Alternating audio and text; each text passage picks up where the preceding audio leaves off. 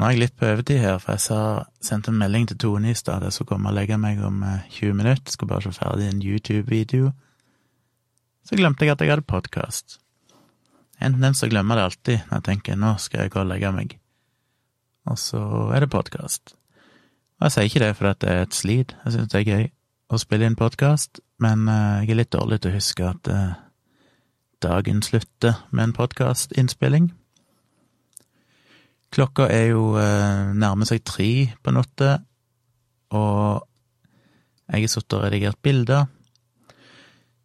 I dag har jeg jo jobba med min vanlige dayjob, og jeg er litt dårlig til å gi slipp på ting når jeg eh, har begynt på et eller annet. Jeg må liksom Alle ideene jeg har i hodet, må jeg få ut. Jeg liker tanken på å bare slutte, og så skal jeg liksom ta det opp igjen i morgen. Så det jeg skulle gjøre, var at vi har en eh, avis som har noen webkamera, og de leverer en eh, livestream, altså en videostream, i et format som det ikke går an å vise på web.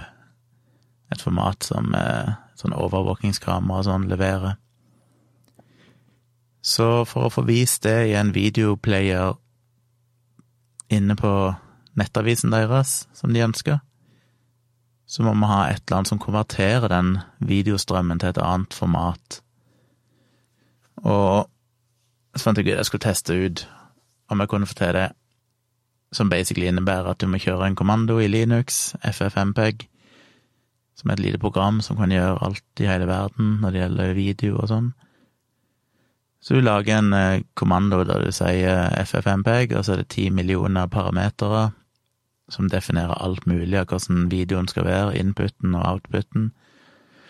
Så den tar imot en input fra webkamera som står langt oppe i Nord-Norge, og gjør en sånn realtime-konvertering, så det går på en måte inn i programmet og ut igjen, og så står den bare og kverner video hele dagen lang, og sender det til den videoplayeren, så hvis noen går inn og trykker play på den, så får de umiddelbart en live sending som viser et uh, bilde av uh, en eller annen fjord, eller et eller annet, iallfall en eller annen uh, Hva heter det?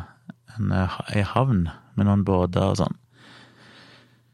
Så jeg måtte jo først eksperimentere lenge med alle disse parameterne for å finne, finne, et format som endte opp med å funke. Så når jeg endelig hadde fått til det, så måtte jeg òg finne ut en måte å sørge for at dette programmet faktisk kjører kontinuerlig. For det er jo sånn typisk at et sånt program plutselig kan krasje, eller vi må ristarte en server eller et eller annet, og da er det viktig at dette her starter opp igjen av seg sjøl og, og kjører av seg sjøl. Så jeg satt lenge og dilla med det, og fant en, en løsning som jeg syns var litt genial, der en basically, for IT-nerdene der ute, basically kjører kommandoen gjennom et PHP-skript, logger prosess-ID-en, og så har vi en kronjobb som kjører en gang i minuttet, som gjør mange andre ting. som bare hekter på i den kronjobben at han bare sjekker den prosessideen, og sjekker om den prosessen faktisk kjører. Og hvis ikke, så trigger han et annet skript som trigger dette skriptet igjen, for å starte prosessen på nytt. Og cleare ut alle cash-filer og resette prosessideen og alt mulig sånn. Som jeg håper og tror kan funke. Vi har gjort tilsvarende ting tidligere, men da egentlig mye mer komplekst så dette synes jeg egentlig var en veldig sånn minimalistisk og enkel måte å gjøre det på, som jeg tror faktisk vil fungere. Så worst case så er videostrømmen nede i maks ett minutt før han blir ristarta. Um, hvis han skulle daue av seg sjøl. Men sånne ting tar tid, så jeg satt vel i fem-seks timer og dilla med det før jeg liksom endelig hadde en løsning som funka. Og det verste av alt er at dette her kunne jeg få betalt for engang. Det er egentlig noe jeg burde sagt at beklager, det er ikke vårt problem, når ikke dere leverer et, eh, en videostrøm i et format som vi kan håndtere på web, eller som web, webnettlesere håndterer, så må dere egentlig finne en løsning på det. Det har jeg egentlig sagt til de tidligere, men så har ikke de svart, ikke respondert.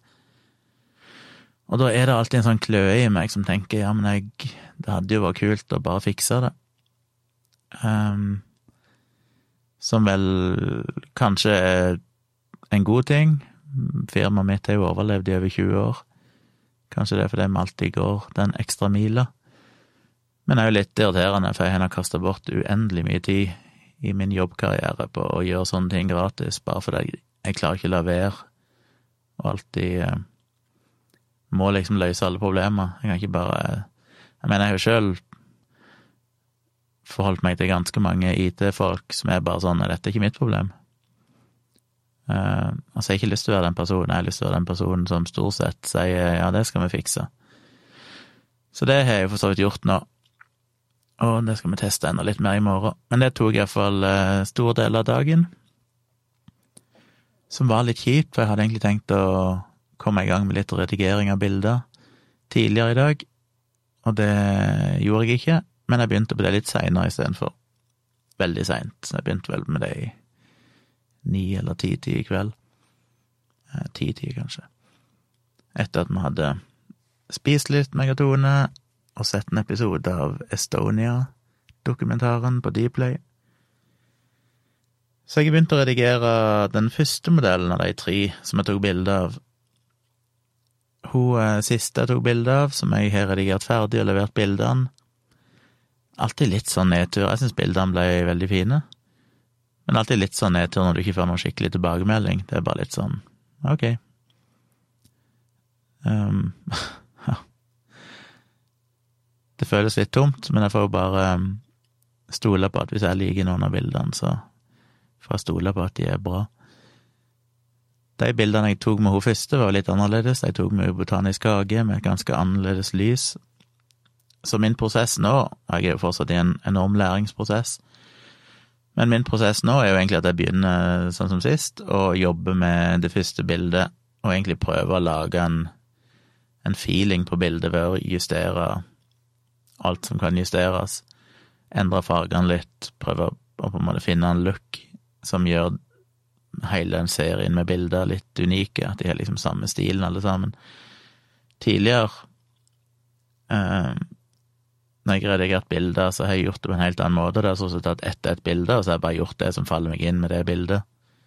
Det tar jo både fryktelig lang tid, for da starter du på scratch for hvert bilde, i tillegg til at du ender opp med bilder som ofte ser veldig forskjellige ut. Fordi jeg syns det var gøyere å eksperimentere med alle bildene og, og prøve å gjøre hvert bilde unikt, på en måte. Men nå er jeg litt mer der at jeg prøver å finne en look. Så jeg tweaker litt og ser om det funker, og så lagrer jeg det som en preset, og så går jeg på neste bilde, og så legger jeg på den preseten, og da vil det ofte ikke funke så bra på neste bilde, for det er litt uh, forskjeller. Og så justerer jeg det litt sånn at det passer med det bildet, lagrer den looken, eller oppdaterer den preseten, og legger det på det første bildet igjen, for om det funker der òg. Så går jeg litt sånn fram og tilbake på kanskje de tre første bildene, helt til jeg har en preset som ser ut til å funke på alle tre. Og da regner jeg med at jeg har en som vil funke relativt bra på de fleste bildene. Så går jeg egentlig bare over etter et bilde, slenger på den preseten, fikser litt på hvit balanse og eh, eksponering, altså hvor lyst bildet er, for det varierer jo litt fra bilde til bilde. Og tweaker kanskje noen få andre ting hvis det trengs. Men det gjør at jobben går ganske fort. Jeg gikk gjennom I denne fotoserien så var det vel 39 bilder vi valgte ut, av over 500 som jeg tok. Så når jeg ikke gjort det, så gjør jeg den prosessen som jeg snakket om tidligere, at jeg da tar ett et bilde og eksporterer til Luminar for å legge på litt sånn uh, skin smoothening og uh, litt sånn uh, lysere øye. For å få litt mer sparkle i irisen, for å få litt farger og sånn, litt glans i øynene. Og det måtte jeg òg tweake litt for å lage en preset som funka lager det som en egen preset i Luminar, sånn at jeg da etterpå kunne bare tette et bilde, eksportere, applye den preseten som fikser litt på huden og sånn, justerte litt styrken, for hvis det er veldig, veldig nærbilde, så måtte jeg tone det ned litt så det ikke så for redigert ut, men var det et bilde der du er litt mer på avstand, så kunne jeg ha den litt sterkere uten at du egentlig så så mye effekt. Så jeg gikk gjennom den prosessen, og så blir du veldig blind. Så jeg er jo kommet til et punkt der jeg tenkte at nå må jeg bare Når jeg hadde kommet gjennom alle bildene, så tenkte jeg nå må jeg bare ta meg en pause. Det er så fristende når jeg har tatt alle bildene, og da bare eksportere de og, og levere de. Men eh, som regel er det lurt å gå vekk litt fra datamaskinen, og så komme tilbake igjen og kikke på de, og se med litt sånn ferske øyne om det ser ok ut. Så det er egentlig der jeg er nå. Nå har jeg sittet og sett på en YouTube-video som varte en halvtime. Kom inn igjen nå, kikka veldig kjapt på de før jeg begynte å spille inn, og tenkte ah, det ser ganske bra ut. Så det er jo et godt tegn. Men jeg skal ikke eksportere de nå. Jeg hadde egentlig tenkt å ta den siste modellen òg, modell nummer to. Men eh, for jeg er sånn, når jeg først begynner, så har jeg lyst til å bare bli ferdig med det, for da kan jeg liksom ha frie kvelder fram til neste ting skjer.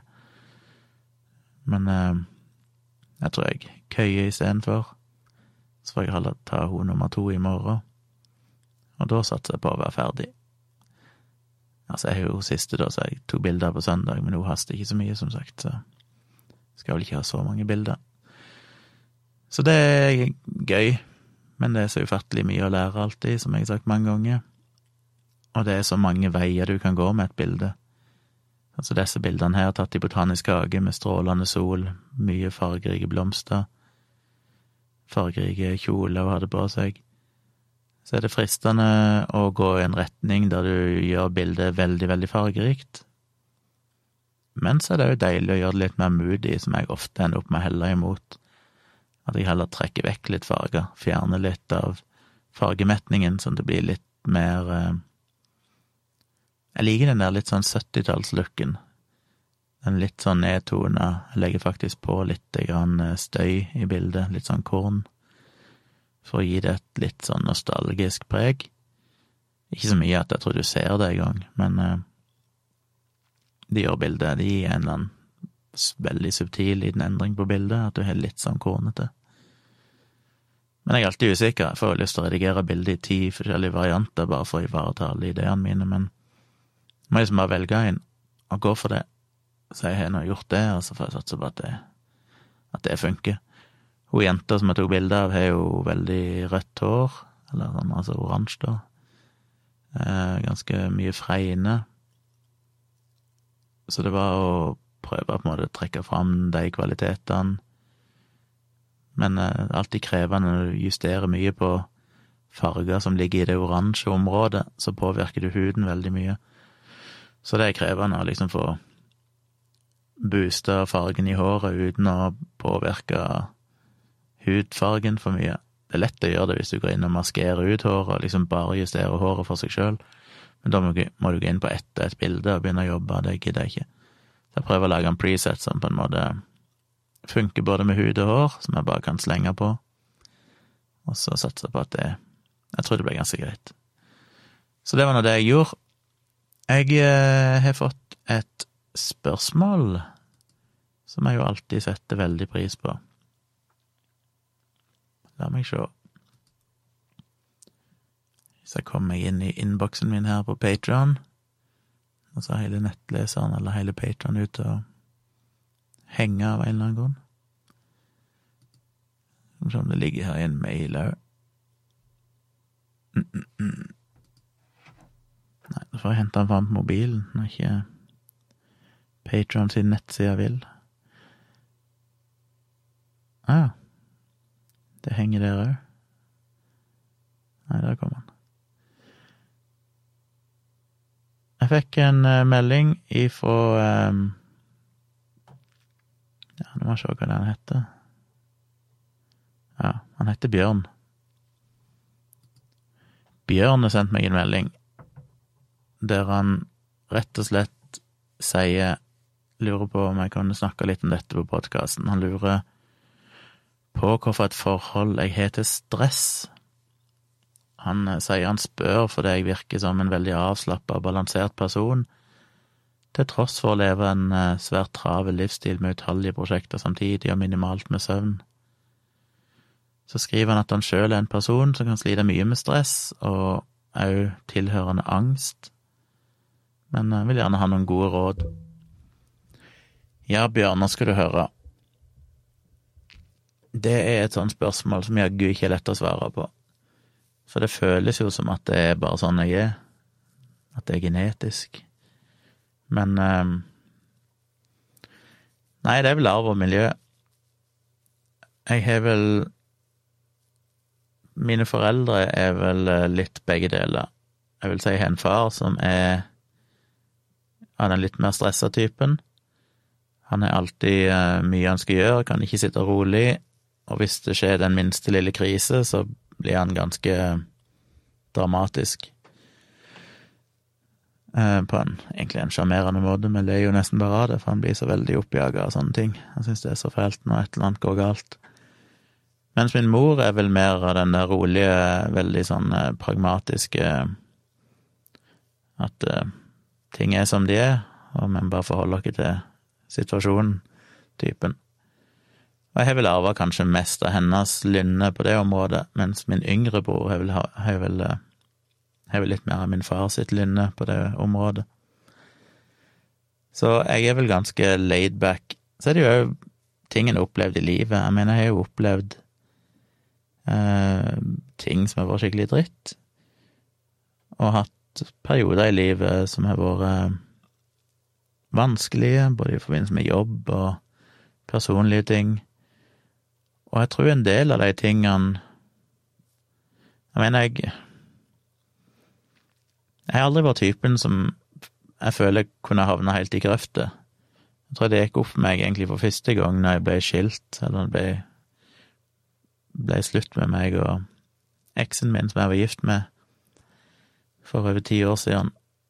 Når det plutselig ble slutt, så skjedde det veldig brått for min del. Det kom liksom som uh, julekvelden på kjerringa, mens hun hadde vel uh, egentlig gått og dvelt på dette lenger, som vel ofte er en sånn det ofte er. Så jeg, for meg var det kommet ut av det blå, og det var liksom en, det var en grusom dag. For da hadde jeg et liv som jeg egentlig syntes var greit, og så for meg skulle være sånn resten av livet mitt. Og plutselig så, så endra alt seg.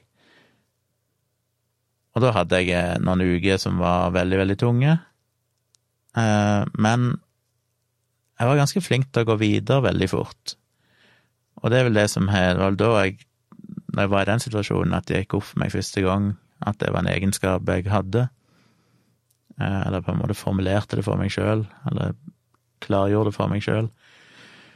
Og jeg har merka det i mange andre situasjoner seinere, at uh, jeg har vel en filosofi at uh, en må bare forholde seg til ting sånn som de er, og så gå videre i livet. Og jeg er jo ikke en veldig nostalgisk person. Jeg er ikke noe glad i å klamre meg til fortida, jeg er ikke noe glad i å spare på ting som gir minner. Jeg Syns bare alt sånn er litt sånn ubehagelig på et vis, å se igjen gamle ting som vekker minner. Det er bare sånn øh, det Jeg assosierer det alltid med ei annen tid som ikke føles som det var meg.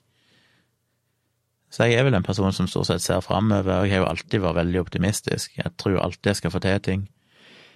Som jeg sa i, en tidligere episode her, det var jeg som kalte meg for en tidsoptimist, og det er jo et klassisk eksempel. Jeg tror jo alltid jeg har mye mer tid enn det jeg har og ting går greit. Og det er vel det som har gjort at jeg klarte å starte firma og sånne ting òg. Jeg var jo på ingen selvs måte kompetent til å starte et IT-firma. Men eh, det slo meg liksom aldri. Det var liksom bare sånn, ja, det får vi til. Så da gjorde vi det. Meg og en kompis som opprinnelig starta firma. Og det er jo litt sånn med alt. Med foto, med video, med alt jeg har gjort. Det er bare sånn, ja, men det får jeg til. Uh, får bare gjøre det og lære av det. Og når ting går galt, så Det er heldigvis lenge siden nå, føler jeg, at jeg har hatt en sånn skikkelig Der det bare er helt forferdelig. Jeg vet den siste Det var sånn korte øyeblikk, holdt jeg på å eller noen timer der vi stressa med et eller annet på jobb eller et eller annet som bare føles som at nå er det et helvete på gang. Men sist gang jeg hadde en sånn skikkelig greie, det var jo for en eh, ja, Hvor lenge siden det er? Seks-sju år siden, eller mer. 28 år siden. Da fikk vi en total diskhavari på en server i firmaet mitt. Eh, det var en server som lagra masse greier, og hadde såkalla raid, som betyr at dataene dataen er spredd over flere disker på en redundant måte, sånn at hvis én disk eh, krasjer, så kan du egentlig bare dra ut den disken og putte i en ny disk, og så vil alle dataene regenereres, for alle dataene som finnes på den disken, finnes også på de andre diskene et eller annet sted. Men eh, da var jeg i Oslo, plutselig så gikk et eller annet svart, og jeg kontakta min kollega som sitter i Trondheim, som er den som er på en måte systemansvarlig primært, og sa det er noe galt, og han begynte å gå inn og se på det, og vi skjønte ganske fort at her er det noe virkelig galt. Så jeg bare måtte inn på gode gamle NSB og booka togbilletter til Tonstad, for vi hadde serveren stående på Tonstad. Dette var jo på kvelden i åtte-ni-tida. Jeg tok et tog som gikk da i elleve-tolv-tida eller sånn på kvelden. Hoppet på det. Nei, det gikk vel i ja, ti-elleve-tida på kvelden i Oslo. Bare booka en sovekupé, eh, så jeg fikk sove litt. Kom fram halv fem på morgenen, vel. Hadde ringt mamma og sagt at hun måtte hente meg på stasjonen. Hoppet ut på stasjonen, hun kjørte meg bare rett til serverrommet, og jeg sprang ned der klokka fem om morgenen. Jeg hadde kontakt med min kollega, og vi fant basically ut at de dataene var tapt, for det to Var det to eller tre disker? Iallfall to disker hadde havarert basically samtidig. Og når du mister to disker, da mister du dataen. Det skulle jo egentlig ikke være noe problem, for vi har jo backup i tillegg. Så viser det seg jo da at grunnet en kommunikasjonssvikt mellom meg og han kollegaen min Jeg skal ikke inn i detaljene for hva som hadde gått galt, men kort sagt, en kommunikasjonssvikt gjorde at han At det var et par mapper på noe greier som han ikke hadde backa opp, fordi han ikke trodde det var nødvendig. Og det var jo i aller høyeste grad nødvendig, for der lå det jo masse data til noen kunder som vi hadde der, blant annet to regnskapsfirma, som begge mista alt de hadde ført av regnskap for alle kundene sine i eh, siste året, omtrent, pluss en del andre viktige ting som avtaler, dokumenter og sånne ting. Og vi satt jo utover morgenen der og prøvde og han drev og gravde på gamle servere og prøvde å finne ut om vi kunne ha en eller annen backup som var noenlunde ny et eller annet sted. Hvis vi hadde bytta en disk eller flytta noe data på et eller annet tidspunkt. Men eh, jeg kan ennå huske det siste øyeblikket jeg spurte han liksom ja, kan du sjekke sånn og sånn og sånn om det finnes der, og så satt jeg bare og venta. Jeg hang over laptopen hjemme i stua til mamma da, for det var ikke noe å gjøre på serverrommet lenger. Og så gikk jeg rundt på gulvet, bare fram og tilbake. Så husker jeg mamma kom inn, og så sa jeg det til henne, og så begynte jeg å grine. For da klarte jeg bare ikke å holde meg. Det var bare Ja, det var sånn eh, Du har mista et år, eller et par år, med data. Og ett år med regnskap primært, for det er så viktig, for det er jo regnskap for året før, det er de på en måte sluttført, men det var det siste året vi hadde mista. Og du bare vet at dette er data som faktisk er vekke nå. Det er ikke noe vi får tilbake igjen. Og den beste avgjørelsen jeg gjorde, husker jeg i det øyeblikket, det var at selv om det er noe av den verste jeg har gjort, så ringte jeg direkte til de kundene umiddelbart og bare sa hva som hadde skjedd, heller enn å prøve å dra det ut og pakke det inn i et eller annet, eller så bare ringte jeg så fort jeg var på en måte sikker på at nå var det ingen vei, ingen løsning. Så ringte jeg de, og de hørte nok på stemmen min at jeg var ganske ødelagt. Som vel kanskje òg gjorde at jeg eh, tok det bedre enn jeg hadde frykta. Iallfall da. Det ble jo verre seinere. Men der og da så tok de det jo relativt bra. Og så ble det jo Og da satt vi jo i eh, Ja, vi ble jo sittende i basically sju dager, vel. Dag og natt. Jeg sov altså så lite. Jeg fikk liksom et par timer søvn når jeg bare kollapsa, og så måtte jeg opp igjen. For vi måtte rekonstruere så sinnssykt mye data, og webhotell og domener og andre ting som hadde gått med i dragsuget, ifra scratch. Uh, og jeg lærte jo så mye på den tida. jeg måtte jo lære meg å ja, Det var så mye rart jeg måtte lære meg å gjøre. Men til slutt så fikk vi nå det meste i drift igjen, sånn at tjenestene funka. Og uh, det eneste vi satt igjen med, da, var at vi hadde mista data til tre kunder. En av de var ikke så veldig mye, så det var ikke så farlig, men det var primært de to andre, de store regnskapsfirmaene. Og de måtte jo da bruke eh, ganske lang tid. Dette skjedde vel i februar eller noe sånt, tror jeg, det året. Og først i mai eller sånt, så hadde vel de fått gjort regnskap på nytt, ført alt regnskap på nytt, sånn at de kunne levere et eh, erstatningskrav til oss på antall timer som var brukt. Og så ble det en runde med forsikringsselskap og masse greier, da.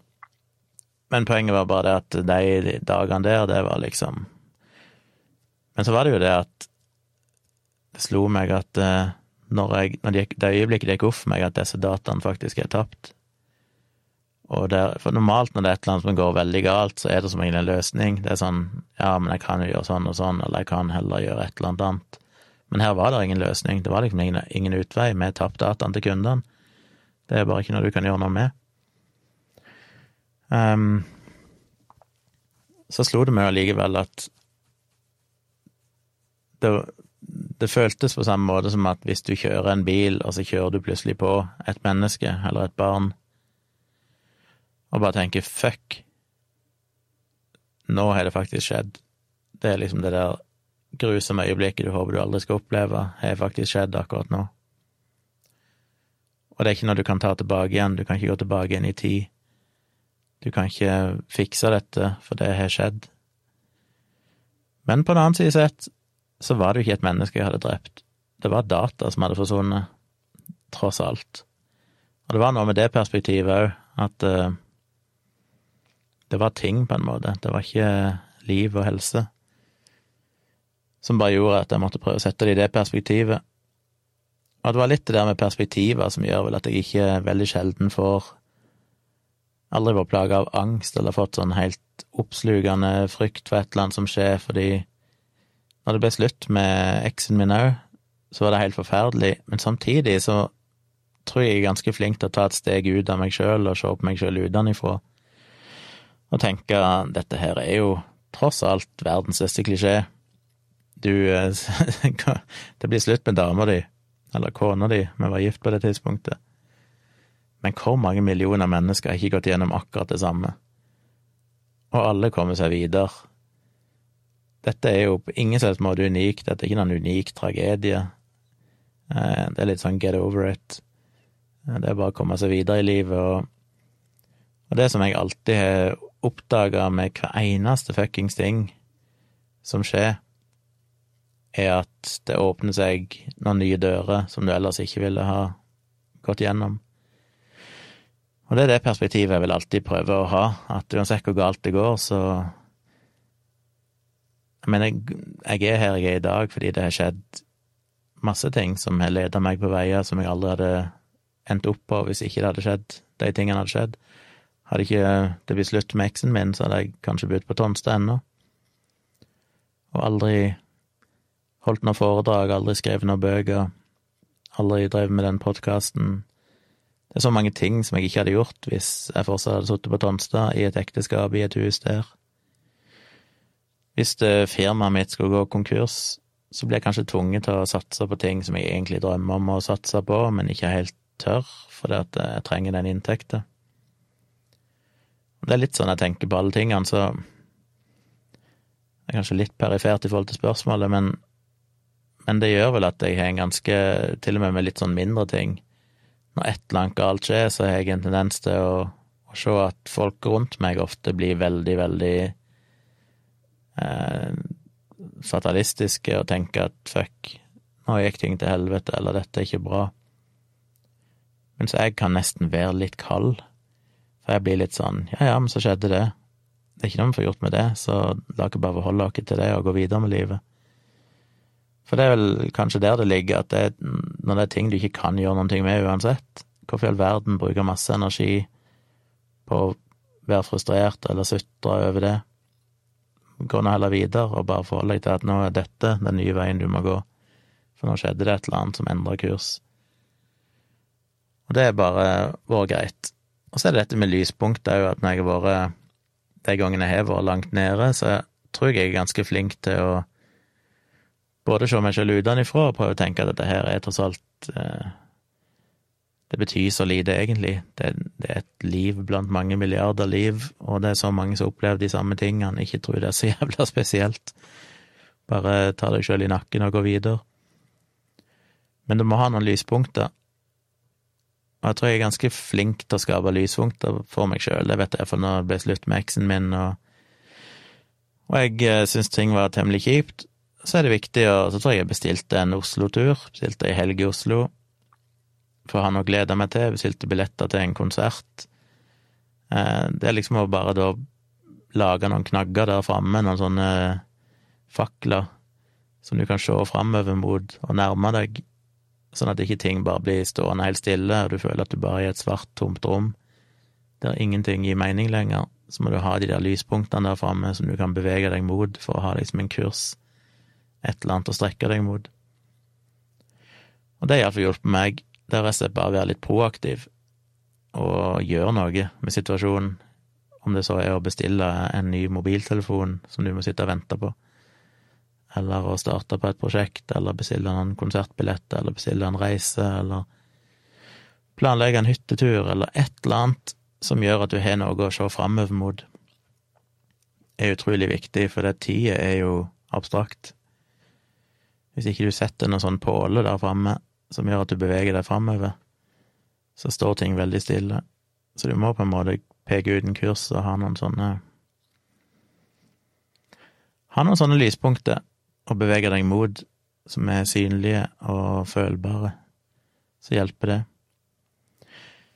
Og det var kanskje litt mer sånn store tingene som jeg føler jeg har håndtert eh, relativt bra, men som òg gjør at jeg av og til føler meg litt, som sagt, litt kald i forhold til andre. Andre har en tendens til å veldig mye mer rundt sånne ting, men så er jeg litt sånn ja ja, og så går jeg videre. Til og med er det ting som andre ville kanskje opplevd som ganske brutale, triste ting, så kan jeg være litt sånn ja ja, men da, da skjedde det, så da går vi videre. Eh, men eh, det er en grei overlevelsesstrategi. Når det gjelder stress og å gjøre ting og klare å gjøre mye, så er det jo bare fordi jeg syns det er gøy. Jeg tror det er det som er nøkkelen. Hvis du er stressa over mange ting du syns er forferdelig, så er jo det selvfølgelig en helt annen situasjon. Men jeg føler vel at jeg har Ved å ikke gå den der tradisjonelle veien som jeg føler mange andre har gjort, der du tar deg en klassisk utdannelse, og så ender du opp som en jobbsøker og må finne deg en jobb, så har jo jeg alltid gått min egen vei. Jeg eh, takla jo ikke det der utdannelsesløpet, for jeg følte det var sånn en klisjé. Jeg takler ikke å gå inn i et sånt system som alle andre gjør, og følge et rutiner som alle andre følger. Så jeg endte jo opp med å starte mitt eget firma heller. Og det er jo sikkert tre ganger mer jobb enn å bare få seg en jobb i en, eh, en vanlig stilling i det offentlige, eller noe sånt. Men samtidig så kan du i det minste bestemme sjøl. Og når det er ting som er kjedelige, så er det på en måte min egen skyld, jeg kan ikke skylde på noen andre. Det er mitt valg. Så jeg har gjort uendelig mye kjedelige ting. Timevis på timevis og dagevis, ukevis med rutinearbeid. Men eh, det går liksom greit når jeg føler at jeg er min egen sjef. Så det gjør mange ting, å ha en krevende dayjob og i tillegg drive med podkast og foredrag og foto og sånne ting. Det går jo fordi jeg syns det er givende. Det gir meg et eller annet, og da blir det ikke spesielt stressende. Men det er jo fordi du må ta kontrollen over det sjøl, og ta noen ubehagelige valg. Jeg skrev en bloggpost en gang, jeg kan kanskje linke til den, som eh, handler om akkurat det. Som tok for seg litt av de valgene i livet, og hvordan jeg er Hvordan det er når ting går galt, så åpner det seg nye dører. Som jeg følte oppsummerte litt av de tankene jeg hadde rundt det, at jeg har jo venner og bekjente som jeg føler aldri tør å ta et steg framover, fordi da tar du et steg ut i det ukjente, og det er så vanskelig å gi slipp på det som er liksom komfortabelt og greit nok. Og det var det jeg følte når jeg flytta til Oslo, det var fryktelig skummelt. Hadde bodd nesten 35 år på Tonstad, med de samme folkene og samme miljøet. Så det å bare gi slipp på alt av det jeg var med på av kulturarbeid og musikk og politiske ting, og jeg var jo engasjert i så mye på Tonstad, men det å bare gi slipp på alt var jækla vanskelig. Starte helt på nytt, komme til en plass der du er nobody. Det var veldig, veldig skummelt, men hadde jeg ikke gjort det, så hadde jeg ikke vært så fornøyd som jeg er i dag. Og jeg har jo folk som fortsatt sitter på Tonstad som jeg føler ikke er spesielt fornøyde, men de tør ikke flytte derifra, fordi at uh, uansett hvor ille det måtte være, så er det mer komfortabelt å lide enn det er å ta sjansen på å kanskje få noe som er bedre. Som jo gjelder mange forhold. Kunne jeg ha snakka mye om. Folk som blir i forholdet sitt altfor lenge, selv om det ikke er bra, fordi det er tross alt tryggere enn å ta det vanskelige skrittet med å bryte ut et forhold og plutselig stå alene igjen. Så det er veldig mange ting som eh, handler om Eller grunnen til at jeg tror at jeg takler stress tilsynelatende bra, er fordi at jeg har tatt en del valg i livet som har vært skumle og risikofylte, men som gjør at jeg nå på en måte styrer min egen tilværelse i veldig stor grad. Og det er jeg jo fornøyd med. Og skal jeg svare konkret på det spørsmålet om hvordan jeg håndterer stress, så er det vel bare det at, eh, som jeg sa kanskje først av alt, at jeg er bare litt opplært av det av mine foreldre, det at du må bare bidra til hverandre sammen og gjøre det. Det er mye som er kjedelig, og det er mye som er dritt. Men en del ting må en bare få gjort, og eh, jeg vet ikke, det stresser meg ikke så mye. Jeg kan synes det er kjedelig, men jeg eh, prøver bare å få gjort det ferdig, så jeg kan gå videre. Og hvis det er tider der jeg føler ting blir uoverkommelig, så vet jeg òg at det å bryte ting ned i mindre bolker er en veldig god løsning. Jeg glemmer aldri når jeg jobba i musikkskolen på Tonstad, Sirdal musikk- og kulturskole, så fant rektoren ut at vi skulle lage en eh, eller fremføre en opera som en sånn slags juleavslutning eller sommeravslutning eller noe sånt. Noe som heter for Kaffekantaten, en slags hyllest til kaffen, skrevet av eh, Hvem faen var det som skrev den? Ja, en eller annen kjent komponist. Kan det være Mozart, for alt jeg vet. Men da fikk vi bare et svært manus, og jeg husker vi lærere, musikkskolelærere, satt inn på rommet der med det manuset og bare tenkte hvordan i all verden skal vi angripe dette? Det var ingen som hadde peiling, for målet var å klare å inkorporere alle fra musikkbarnehage til dansegruppe til bassister til gitarister til blåsere, og prøve å få alle med til å fremføre en opera. Jeg kan ennå huske hvordan jeg da tok styringa på en eller annen måte som jeg kanskje ikke helt skjønte sjøl, men bare plutselig så sa jeg ok, dette her var liksom bare en svær grå masse, det var bare side på side på side med noe vi ikke hadde kontroll på. Og så begynte jeg å bare bryte det ned og si ok, her er det én del, her er det én del, her er det én del, og på den måten klarte vi å lage det til små, håndterlige biter, som vi da kunne angripe og komme med ideer på ja, dette kan vi løse sånn, og denne delen kan vi løse sånn, og til slutt så hadde vi et opplegg. Og det høres kanskje banalt ut, men jeg kan ennå huske hvordan det gikk ifra at vi satt der og var helt rådløse, til at vi ganske kort tid seinere plutselig hadde en ganske god plan, fordi vi hadde klart å bryte det ned til små fragmenter. Og sånn er det i jobb og alt de gjør, at hvis det er ting som virker uoverkommelig, så må en begynne å bare sette seg ned og tenke, så må en skrive ei liste. Noen jobber med mind, sånne tankekart, mindmaps og forskjellige ting, men for meg er det bare ei liste. Skrive ned, punkt for punkt, med underpunktet, og da blir det plutselig håndterlig. Så jeg er veldig glad i lister, som jeg òg har arvet fra min mor.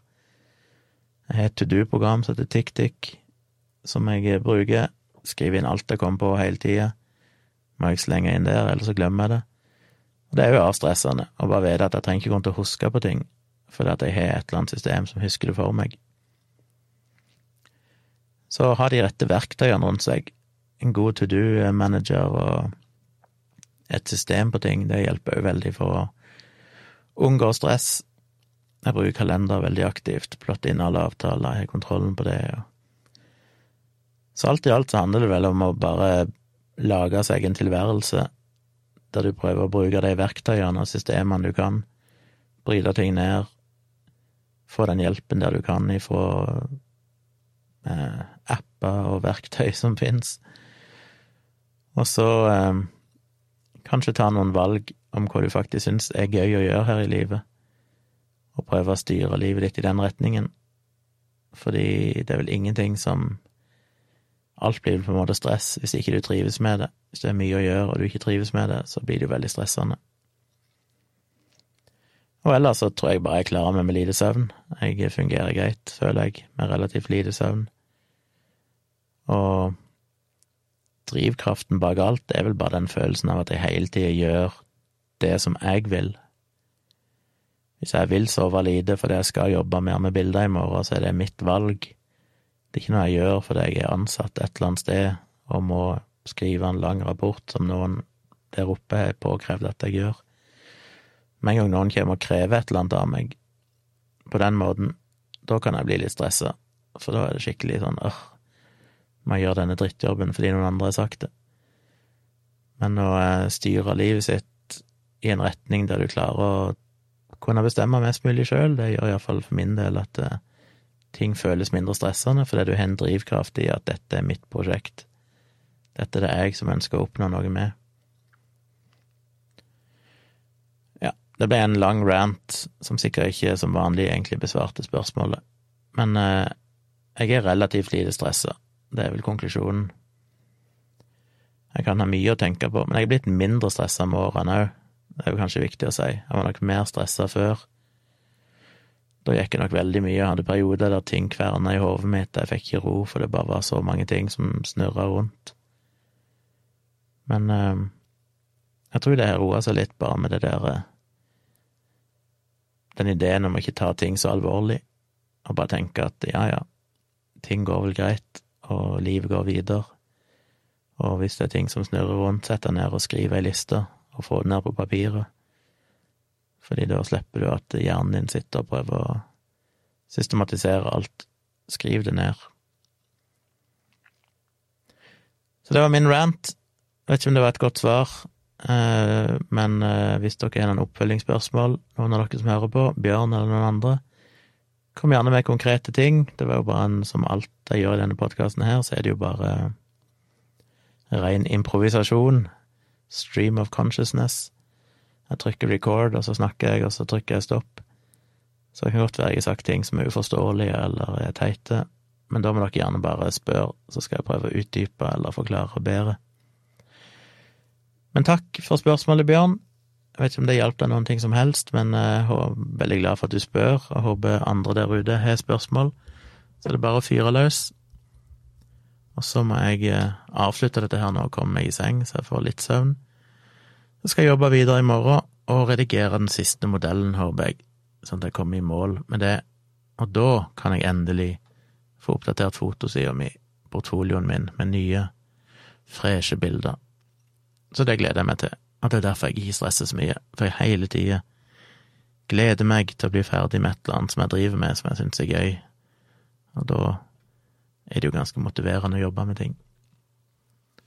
Så takk for at dere hørte på, og så høres vi igjen i morgen kveld. Hilsen uh, livsstilscoach Gunnar.